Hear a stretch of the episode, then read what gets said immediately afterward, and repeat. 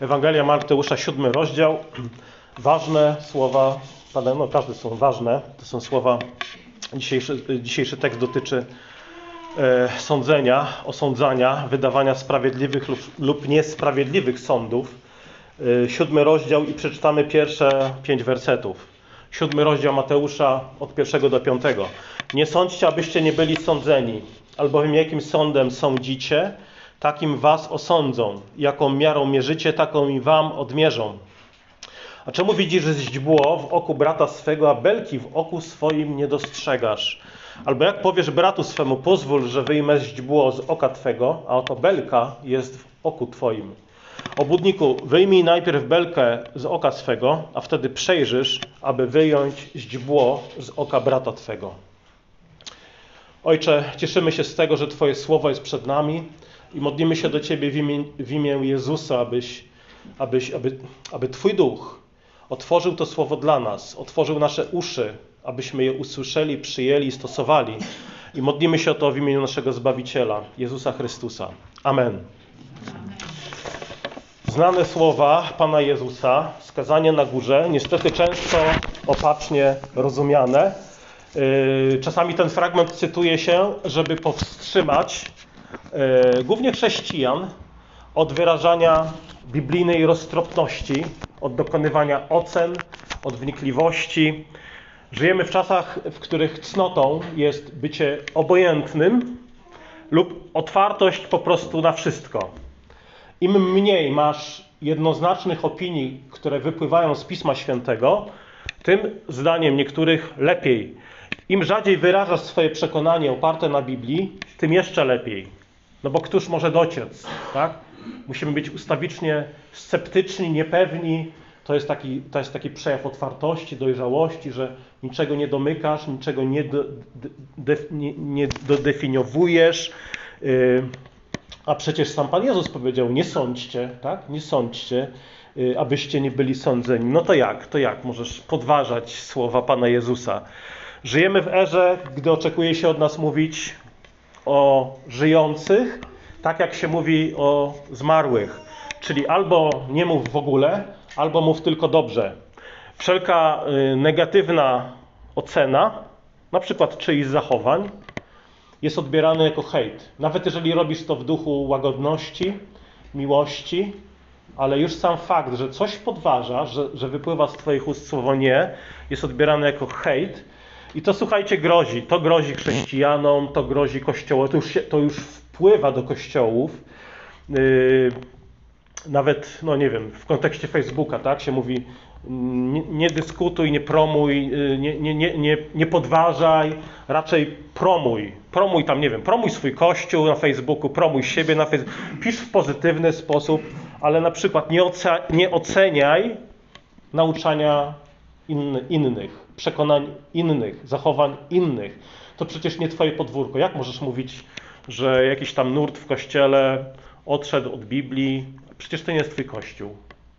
Zajmij się swoim kościołem. No wtedy odpowiadam, nie, no to jest mój kościół. Ja wierzę w jeden święty, powszechny i apostolski kościół. Yy, Nurty w kościele inne niż, niż reformowane to jest część naszego kościoła i powinniśmy być głęboko przejęci, jeżeli widzimy jakiś liberalizm, odejście od Pisma Świętego, trwanie w grzechu, gdzieś indziej poza naszym podwórkiem. To też jest rodzina, tak? Moją rodziną jest nie tylko żona i dzieci, ale moją rodziną jest też wujek i ciocia. Może dalszą rodziną, ale rodziną. Yy, I często jest tak, że poddajemy się presji tego świata i myślimy, że samo ocenianie, samo dokonywanie ocen jest rzeczą złą. Jeszcze opatrznie rozumiemy te słowa Pana Jezusa skazania na górze. Yy, Nie sądźcie nikogo, nie nasza to rzecz, nie możemy mówić, co jest grzechem, a co nie. Nie możemy mówić, co jest prawdą, a co nie. Nie możemy mówić, która religia jest właściwa. Pan Bóg zajmie się oceną tym, tych spraw. On jest kompetentny, nie my. Chesterton, yy, Gilbert Chesterton napisał takie słowa. Kiedy człowiek odrzuca jedną doktrynę za drugą w akcie wyszukanego sceptycyzmu, kiedy oświadcza, że nie pozwoli się uwiązać do jednego tylko systemu filozoficznego, kiedy twierdzi, że wyrósł z definicji, kiedy mówi, że nie otworzy się na ostateczny cel, kiedy w swojej wyobraźni zasiada niczym Pan Bóg we własnej osobie, nie wyznając żadnej religii, lecz spoglądając na wszystkie z góry, wówczas w miarę jak ów proces się posuwa, człowiek powoli roztapia się na powrót w nieokreśloności wędrownych zwierząt i nieświadomości trawy. I podsumowuję to tak. Drzewa nie posiadają dogmatów, warzywa są wybitnie tolerancyjne. I słuchajcie, to, to grozi. To grozi nam wszystkim. Yy, stwierdzenie żadnych sądów. Ja jestem ponad tym. To jest oczywiście yy, zarozumiałe podejście i, i, i, bardzo opacznie roz, rozumiane yy, stwierdzenie słów, opacznie rozumiane, opacznie, opacznie rozumie słowa Pana Jezusa. Takie myślenie służy tak naprawdę własnym celom, żeby grzechu nie nazywać grzechem, żeby nikt tylko czasami nie konfrontował mnie z Bożym Słowem, nie oceniał, abym miał wolność robić to, na co mam ochotę. Nie sądź mnie, nie oceniaj, yy, sam sobie wybiorę, yy, nie nazywaj grzechem to, co robię i tak dalej. To jest grzech Twoim zdaniem. Tyle, że taka postawa nieokreśloności, takiej jałowości, zobaczcie, to już jest dokonywanie sądu. Taka postawa osądza tych, którzy dokonują sądów. Ktoś mówi, nie sądź, bo Pan Jezus tego zabronił. Jesteś oskarżycielem, kiedy mnie osądzasz. Wtedy możesz powiedzieć, a dlaczego nazywasz mnie oskarżycielem? Dlaczego mnie osądzasz? Pan Jezus zabronił osądzać. Przestań sądzić. Na co ten drugi zwykle a dlaczego sądzisz, że cię osądzam? A czemu sądzisz, że cię osądzam, że cię osądzam? Zobaczcie, samo stwierdzenie żadnych sądów, ono już jest sprzeczne samo w sobie. Ktoś mówi, nie wolno ci osądzać tego brata, ponieważ nie wolno sądzić. Ale co przed chwilą zrobiłeś? Osądziłeś moje stwierdzenie, albo mnie. Osądziłeś mnie za dokonywanie sądu. Także oczywiście sam kontekst tego fragmentu pokazuje, że to nie jest żaden absolutny zakaz, żadnych sądów, koniec. W wersecie szóstym którym zajmiemy się dalej. Na, może dzisiaj nie będziemy tego omawiali, ale zobaczcie, Pan Jezus mówi dalej tak, w tym samym można powiedzieć cyklu. Nie dawajcie psom tego, co święte i nie rzucajcie pereł swoich przed wieprze. Zobaczcie, żebyśmy mogli osądzić, kto, o kim tutaj Pan Jezus mówi, używając słowa psy albo wieprze. No już trzeba dokonać jakiegoś sądu, żeby nie rzucać pereł przed wieprze. Musisz wiedzieć, kogo Pan Jezus nazywa wieprzem, żeby nie rzucać tam pereł. Yy, w wersecie 15 Pan Jezus mówi, żebyśmy strzegli się fałszywych proroków. I znowu, żebyś strzegł się fałszywych proroków, musisz wiedzieć, kim są. A żeby wiedzieć, kim są, musisz to ocenić, osądzić, rozsądzić. Także streszczeniem słów Pana Jezusa na temat sądzenia nie jest krótki, banalny slogan żadnych sądów. Sednem słów Pana Jezusa jest to, że jakim sądem Ty sądzisz, takim sądem zostaniesz osądzony. Czyli miara, którą przykładasz do innych, będzie przyłożona do Twojego postępowania. To oznacza, że musimy wiedzieć, co Biblia mówi na temat rozsądzania, jaki rodzaj sądzenia jest dobry, a jaki jest zły. I temat jest ważny, ponieważ dotyczy, to, to, to jest temat, który dotyczy twojego do, Twojej dojrzałości. Czyli znów, Panu Jezusowi nie chodzi o taki minimalizm, Jestem, jesteś zbawiony, aleluja i do przodu. Jedynym Twoim powołaniem jest teraz y, ewangelizować niewierzących, bo jesteś zbawiony, na tym się zatrzymujesz, nie, nie musisz w ogóle wzrastać w jakiejkolwiek dojrzałości. Kazanie na górze rzuca nam wyzwanie, że powinniśmy jako uczniowie Jezusa dojrzewać i jedną, jakby tutaj jednym z kryteriów jest umiejętność dokonywania właściwych ocen. Czyli Pan Jezus nie chce, żebyś pozostał, pozostała dzieckiem w wierze, ale żebyś był rozsądny, dochodził do dojrzałości na wzór Jezusa. I zanim powiem, jak sądzić, co Biblia mówi, jak sądzić, aby nasz sąd był zgodny z Bożym Słowem, krótko o, o trzech rzeczach, których Biblia zabrania w temacie sądzenia. Po pierwsze, Pismo Święte zabrania sądzenia z pozoru. Pan Jezus w Ewangelii Jana mówi: Nie sądźcie z pozoru, ale sądźcie sprawiedliwie. To nie mogą być sądy pobieżne. Ale zobaczcie, używa słowa sądźcie sprawiedliwie, czyli już widzimy, że to nie jest absolutny zakaz. Sądźcie sprawiedliwie. Jeżeli nie mamy dowodów, a jedynie jakieś szczątki informacji, to jeszcze jakieś z trzeciej ręki, to nie formułuj sądów kategorycznych. Jeżeli nie masz pełnego obrazu sytuacji, na przykład wysłuchania dru- dwóch stron konfliktu, nie formułuj jednoznacznej opinii. I słuchajcie, to jest trudne, dlatego że jeżeli dochodzi, nie wiem, dochodzi do jakiejś y, różnicy zdań albo konfliktów, ktoś przychodzi do nas po jakiś arbitraż, żebyśmy się opowiedzieli, czy bardziej lubimy tego, czy tamtą, czy jesteśmy po tej stronie, czy po tamtej. Nasza tendencja jest taka, że lubimy wysłuchać jednej strony, najchętniej tej, która przyjdzie pierwsza do nas i podzieli się swoją perspektywą. Jeszcze tam na ucho nam powie, jaki ten ktoś, ten drugi jest zły.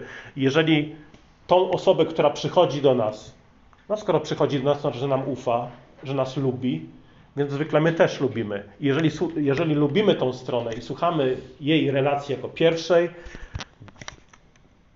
no nie wiem czy często, ale bywa tak, że nawet nie chcemy wysłuchać drugiej strony. Je, je, jeśli, jeśli jeszcze wie, wiemy, że jest trudna w obyciu, może mniej lubimy niż tą pierwszą osobę, nie chcemy mieć pełnego obrazu sytuacji, no to wymaga od nas pewnego jakiegoś przełamania się, żeby wysłuchać dwóch stron. Jeżeli dokonujemy sądu, róbmy to sprawiedliwie, uwzględnijmy wszelkie dostępne informacje, zanim zajmiemy stanowisko.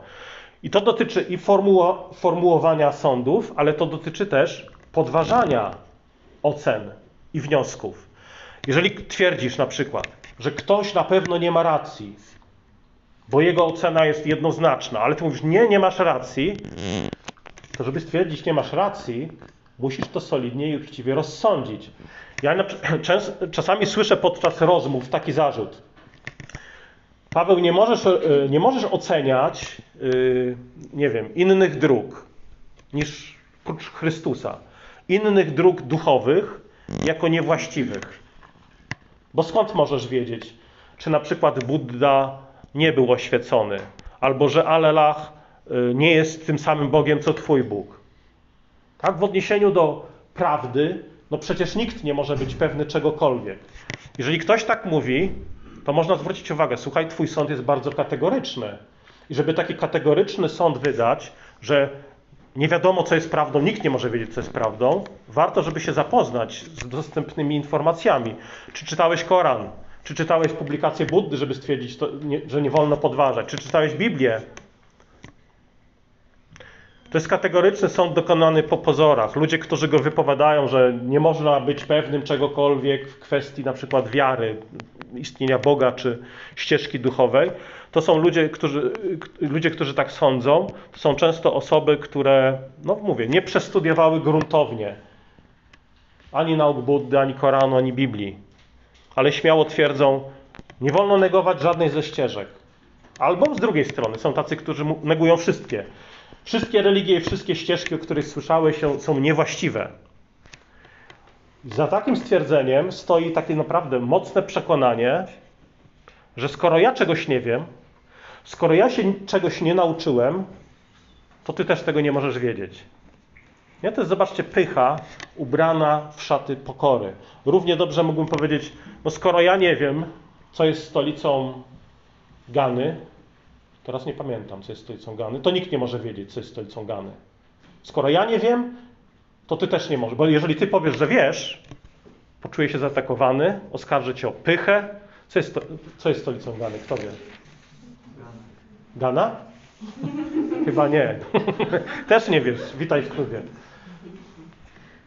Po drugie, nie wolno nam sądzić z postawą krytykanstwa. Są osoby, które kiedy wypowiadają się o innych kościołach, o innych pastorach, o innych chrześcijanach, które y, można dodać nie tylko o, o, tutaj kwestii duchowych, o państwie.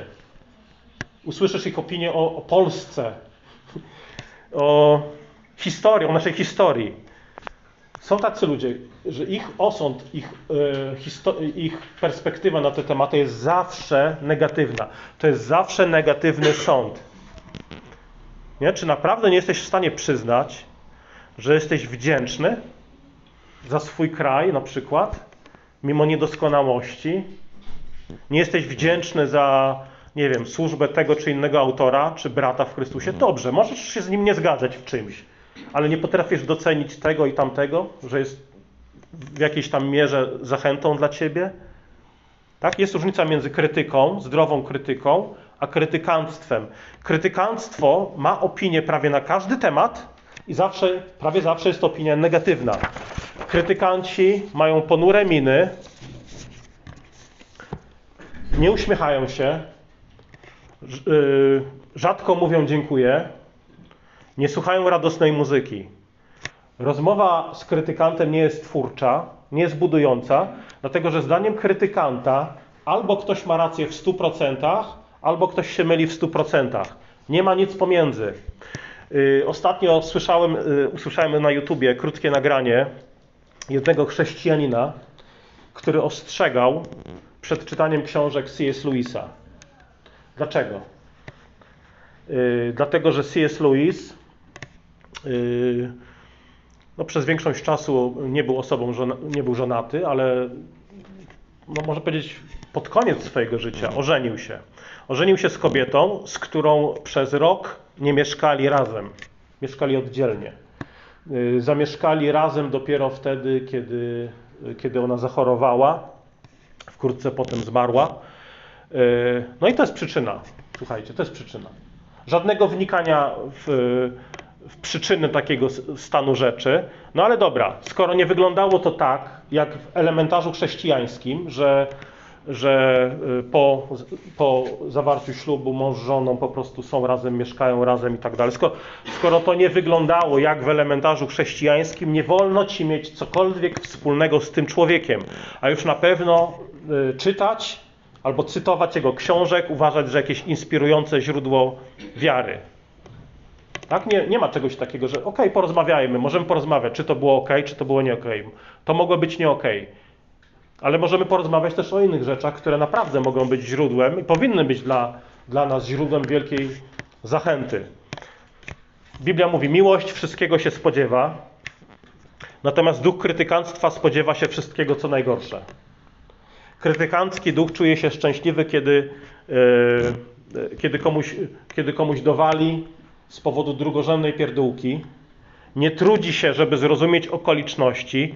Krytykancki duch nigdy nie akceptuje wyjaśnień, nawet nie, nie daje dojść do głosu. Nie potrafi stosować miłosierdzia.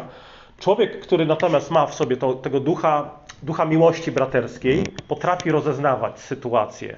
Jest skłonny, żeby wysłuchać, czy może istnieje jakieś wyjaśnienie takiego zachowania, wytłumaczenie sytuacji, czy może są jakieś okoliczności łagodzące? Krytykant mówi: Nie życzę sobie żadnych wyjaśnień. Tak zwykle okazuje chłodne serce. To jest drugi rodzaj osądzania, przed którym Biblia ostrzega, czyli postawa krytykanstwa albo 100% racji, albo 100% błędów. Trzecia rzecz: nie wolno nam dokonywać sądów ostatecznych dlatego że te należą do Boga. Na przykład, nie możesz o nikim stwierdzić, że z pewnością cokolwiek zrobi, pójdzie do nieba lub piekła. Możesz oczywiście, diagnoz- Biblia zachęca nas, żebyśmy diagnozowali stan duszy w oparciu o Pismo Święte, nie tylko swojej, ale, ale cudzej też. Na przykład, słuchaj, to co robisz, to jest grzech. A jeżeli trwasz w grzechu, to to jest droga śmierci nad przepaść. Tak możesz to diagnozować, ale nie możesz ostatecznie stwierdzić, że ten ktoś trafi do piekła. Możesz powiedzieć zawróć, niż będzie, nim będzie za późno. Tak? Mamy mapę, mamy Słowo Boże, żeby to stwierdzić, że ktoś błądzi, że ktoś jest fałszywym nauczycielem, że ktoś jest tym przysłowiowym psem, który wraca do swoich wymiocin. Nie mówimy natomiast, skoro nie zgadzasz się ze mną, no to niszczysz sobie życie, błądzisz. Nie, mówimy, nie zgadzasz się z Panem Bogiem, nie zgadzasz się ze swoim Stwórcą. Wróć do Niego, bo On już zawczasu pokazuje Ci, dokąd dojdziesz, podążając tą drogą. Dlatego woła do Ciebie zawróć. Ale nie wolno ostatecznie nam stwierdzać o czyimś zbawieniu, bo to jest kompetencja Pana Boga. Pamiętacie taki urywek w Ewangelii, kiedy Jan, apostołowie Jan i Jakub chcieli ściągnąć ogień z nieba na wioski samarytańskie, które nie chciały przyjąć Jezusa. Pamiętacie reakcję Pana Jezusa, który powiedział: Nie wiecie, jakiego ducha jesteście. Dodał: Albowiem syn człowieczy nie przyszedł zatracać dusze ludzkie, ale je zachować. Czyli Jan i Jakub stali się winni formułowania czy wydawania sądu wręcz ostatecznego na ludzi, proponując ich zniszczenie. Znam ludzi, którzy jednoznacznie oceniają, że ta czy tamten zginą w piekle. Na przykład protestanci, są, są tacy protestanci, którzy mówią, y, że jeżeli ktoś jest katolikiem, 100% w piekle. Dlaczego? No bo jak może być w niebie ktoś, kto y, uznaje kult maryjny, ktoś, kto używa obrazów w celach kultowych, liturgicznych, kłania się obrazom, jak może być w niebie ktoś, kto uznaje papieża jako głowę kościoła albo wierzy w czyściec? I oczywiście możemy powiedzieć, tak, to są poważne błędy, to jest poważne odejście od Biblii, ale na przykład, czym innym jest zwiedzenie, czym innym, kim innym jest fałszywy nauczyciel, który nagania do tych rzeczy i, i, i, i zachęca do nich, a kim innym jest, nie wiem, jakaś prosta babuleńka w wiosce zabitej dychami, która jest po prostu zwiedziona. Może jest niedojrzała w swojej pobożności, ufa Bogu tak, jak uczy ją ksiądz, ale nie możemy jednoznacznie wydawać wyroków, że ktoś idzie do piekła, bo jest katolikiem i vice versa. Są katolicy, którzy mówią 100%, protestanci idą do piekła.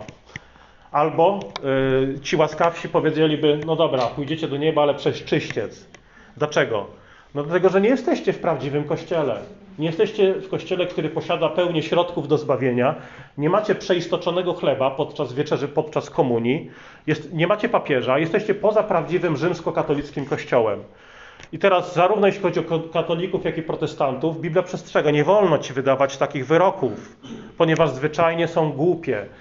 Yy, Nie wolno ci wchodzić w kompetencje Pana Boga. Możesz wskazywać na błędy w nauczaniu, czy przekonaniach takiej czy innej osoby, czy nawet całego kościoła, który trwa w błędzie, ale nie wolno ci potępiającym palcem mówić, na pewno jesteś w piekle. Bo gdybyś był w niebie, gdybyś szedł do nieba, to na pewno opuściłbyś ten kościół.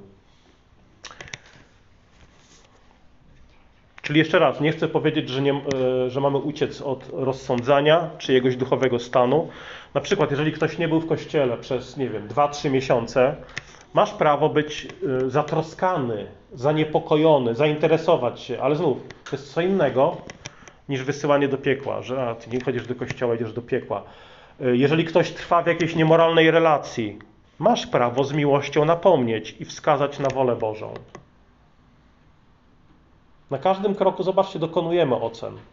Zawsze to robimy. Kiedy, kto, kiedy komuś głosimy Ewangelię, dokonujesz pewnej oceny na temat duchowego stanu tej osoby, że ona potrzebuje nawrócenia, że jest niewierząca, odrzuca Boga, potrzebuje usłyszeć Ewangelię i się nawrócić.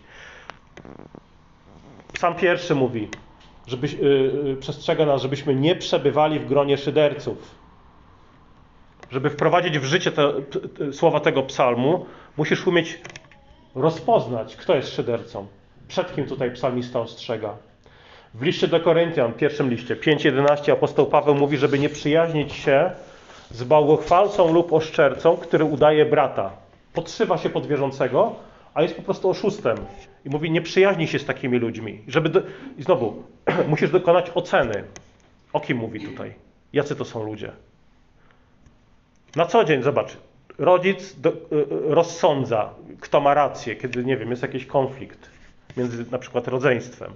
Chrześcijanin dokonuje ocen różnych światopoglądów, postaw czy propozycji. Pracodawca ma dokonywać oceny skuteczności swoich pracowników.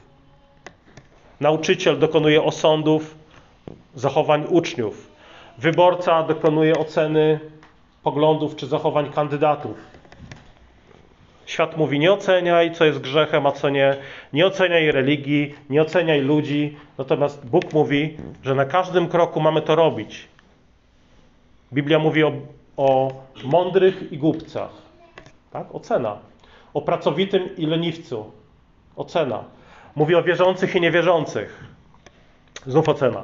O dojrzałych i niedojrzałych w wierze. O świniach i owcach o Bożych nauczycielach i fałszywych nauczycielach. Cały czas ocena. Jezus nie, ucieka, nie uciekał od dokonywania osądu. Nie mówił, ja nikogo nie osądzam, bierzcie ze mnie przykład. Każdy ma prawo żyć jak chce. Nie, zobaczcie, na przykład ocenił zachowanie cudzołożnicy, która popełniła e, grzech, złą rzecz. i powiedział jej, pamiętacie, idź i nie grzesz. Czyli przebaczenie, które wynikało z rozpoznania, dostrzeżenia, że zgrzeszyła. Powiedział, nie grzesz. Czyli co wcześniej zrobiła? Zgrzeszyła. Ale teraz idź i więcej tego nie rób. No i to jest przykład dla nas. Kiedy ktoś zgrzeszy, kiedy ktoś głosi szkodliwe nauki, nie chodzi o to, żeby teraz temu zaprzeczyć albo zignorować. Stwierdzić, nie oceniam cię. Tak? Ignorancja, odwracanie głowy nie jest żadnym rozwiązaniem problemu. Choroba nie, nie przestanie istnieć, jeżeli jej zaprzeczysz, jeżeli nie będziesz chciał jej dostrzec. Znowu zacytuję wam e, Chestertona. Bezstronność jest wyniosłą formą obojętności, która z kolei stanowi eleganckie określenie ignorancji. Bezstronność bardzo często wiąże się z tym, że to nie jest żadna dojrzałość. Po prostu mam to gdzieś. Po co wnikać? Daj, daj mi żyć. Także Pan Jezus nie mówi żadnych sądów, ale mówi uważaj jak sądzisz, bo jak ty sądzisz, tak zostaniesz osądzony. Nie wolno ci sta stosować standardów osądu wobec innych, jeżeli nie chcesz, żeby te same standardy były odniesione do ciebie. My natomiast mamy bardzo taką no, powszechną tendencję do takiej bardzo skrupulatnej oceny innych ludzi. Tak potrafimy nawet drobne uchybienia u innych dostrzec i nie zapomnieć ich. Ale oburzamy się, kiedy ktoś nas napomina za o wiele większy problem. Tak? Nie chcemy przykładać standardów stosowanych wobec innych do nas samych. I to jest problem. I o czym o tym tu mówi Pan Jezus? Dlatego mówi: uważaj. Nie wiem, chrześci- ktoś mówi: Jestem chrześcijaninem i oburza mnie, nie wiem, relacja homoseksualistów. Pan Jezus mówi: OK. Przykładasz do niego standard Bożego Słowa, a powiedz mi tak. Z iloma kobietami spałeś ostatnio w ostatnich trzech latach? Bo standard Bożego Słowa dotyczący moralności, który przykładasz na innych, będzie zastosowany wobec, wobec ciebie. Yy, bezbożny Haman. W Starym Testamencie mamy taką historię w księdze Estery. Haman przygotował szubienicę dla Żyda, Mordochaja, i spiskował przeciwko niemu, przeciwko Mordochajowi. Skończyło się tak, że standard, który przyłożył do Mordochaja, ostatecznie został przyłożony do niego, do, do Hamana. I ten Haman sam skończył na szubienicy, którą sam zbudował. Dlatego tu jest takie ostrzeżenie. Uważaj, kiedy budujesz szubienicę dla innych, abyś sam na niej nie zawisł. Tu mówiąc oczywiście obrazowo. Standard, który przykładasz do innych, uważaj, czy nie osądza ciebie. Dlatego powstrzymaj się od wszelkich sądów innych, które równie dobrze potępiają ciebie. Przeszkadza ci na przykład yy, plugawy język yy, kolegów czy koleżanek w pracy. No okej, okay. jeżeli przeszkadza, to dobrze, ale pomyśl, czy twój język nie rozsiewa na przykład plotek albo obmowy o drugim. I ten temat standardu wobec innych i siebie samego jest kontynuowany w słowach Pana Jezusa o belce i drzazdze. Pan Jezus mówi, kiedy masz belkę w swoim oku, no to nie możesz dostrzec drzazgi w oku swojego brata, a już na pewno problemem jest to, że nie widzisz belki we własnym oku. Dopiero kiedy norma, której sam używasz, zostanie w pełni zastosowana wobec ciebie, wtedy idź i pomóż swojemu bratu. Jeżeli osądzasz brata bez poradzenia sobie ze swoją własną ślepotą, wtedy nie zobaczysz wyraźnie, jak pomóc bratu. Nikomu nie pomożesz. W liście do Rzymian apostoł Paweł napisał, że Żydzi w wyniosły sposób osądzali pogan za ich grzechy, podczas gdy Paweł mówi: Hej, osądzasz innych, ale sam robisz to samo. Oni, co prawda, ci poganie, nie Żydzi, oni grzeszą i wydają na siebie sąd, nie mając standardu Bożego, nie znają prawa Bożego, ale mają w sumieniach wypisane prawo.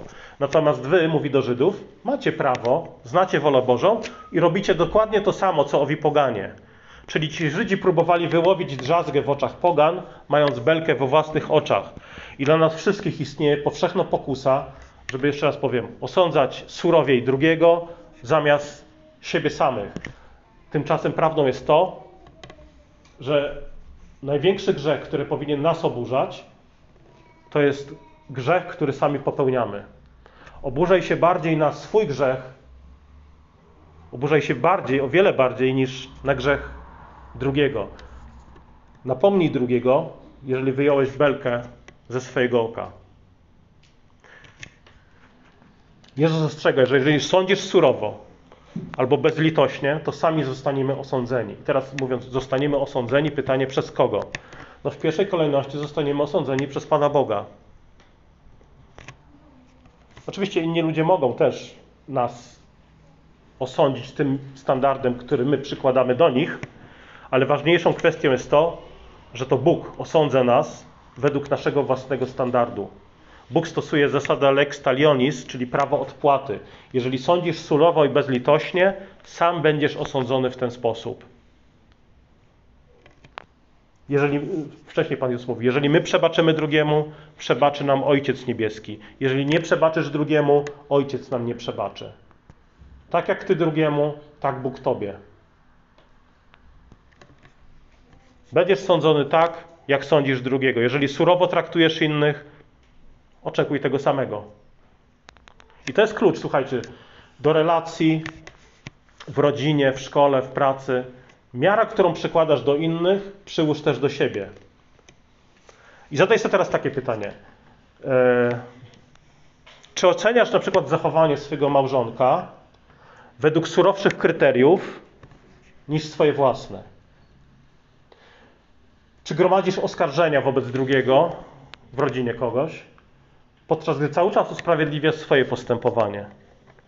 Czy wypominasz drzazgę wokół mamy, taty, córki, yy, syna, brata, siostry, podczas gdy ignorujesz belkę we własnym oku?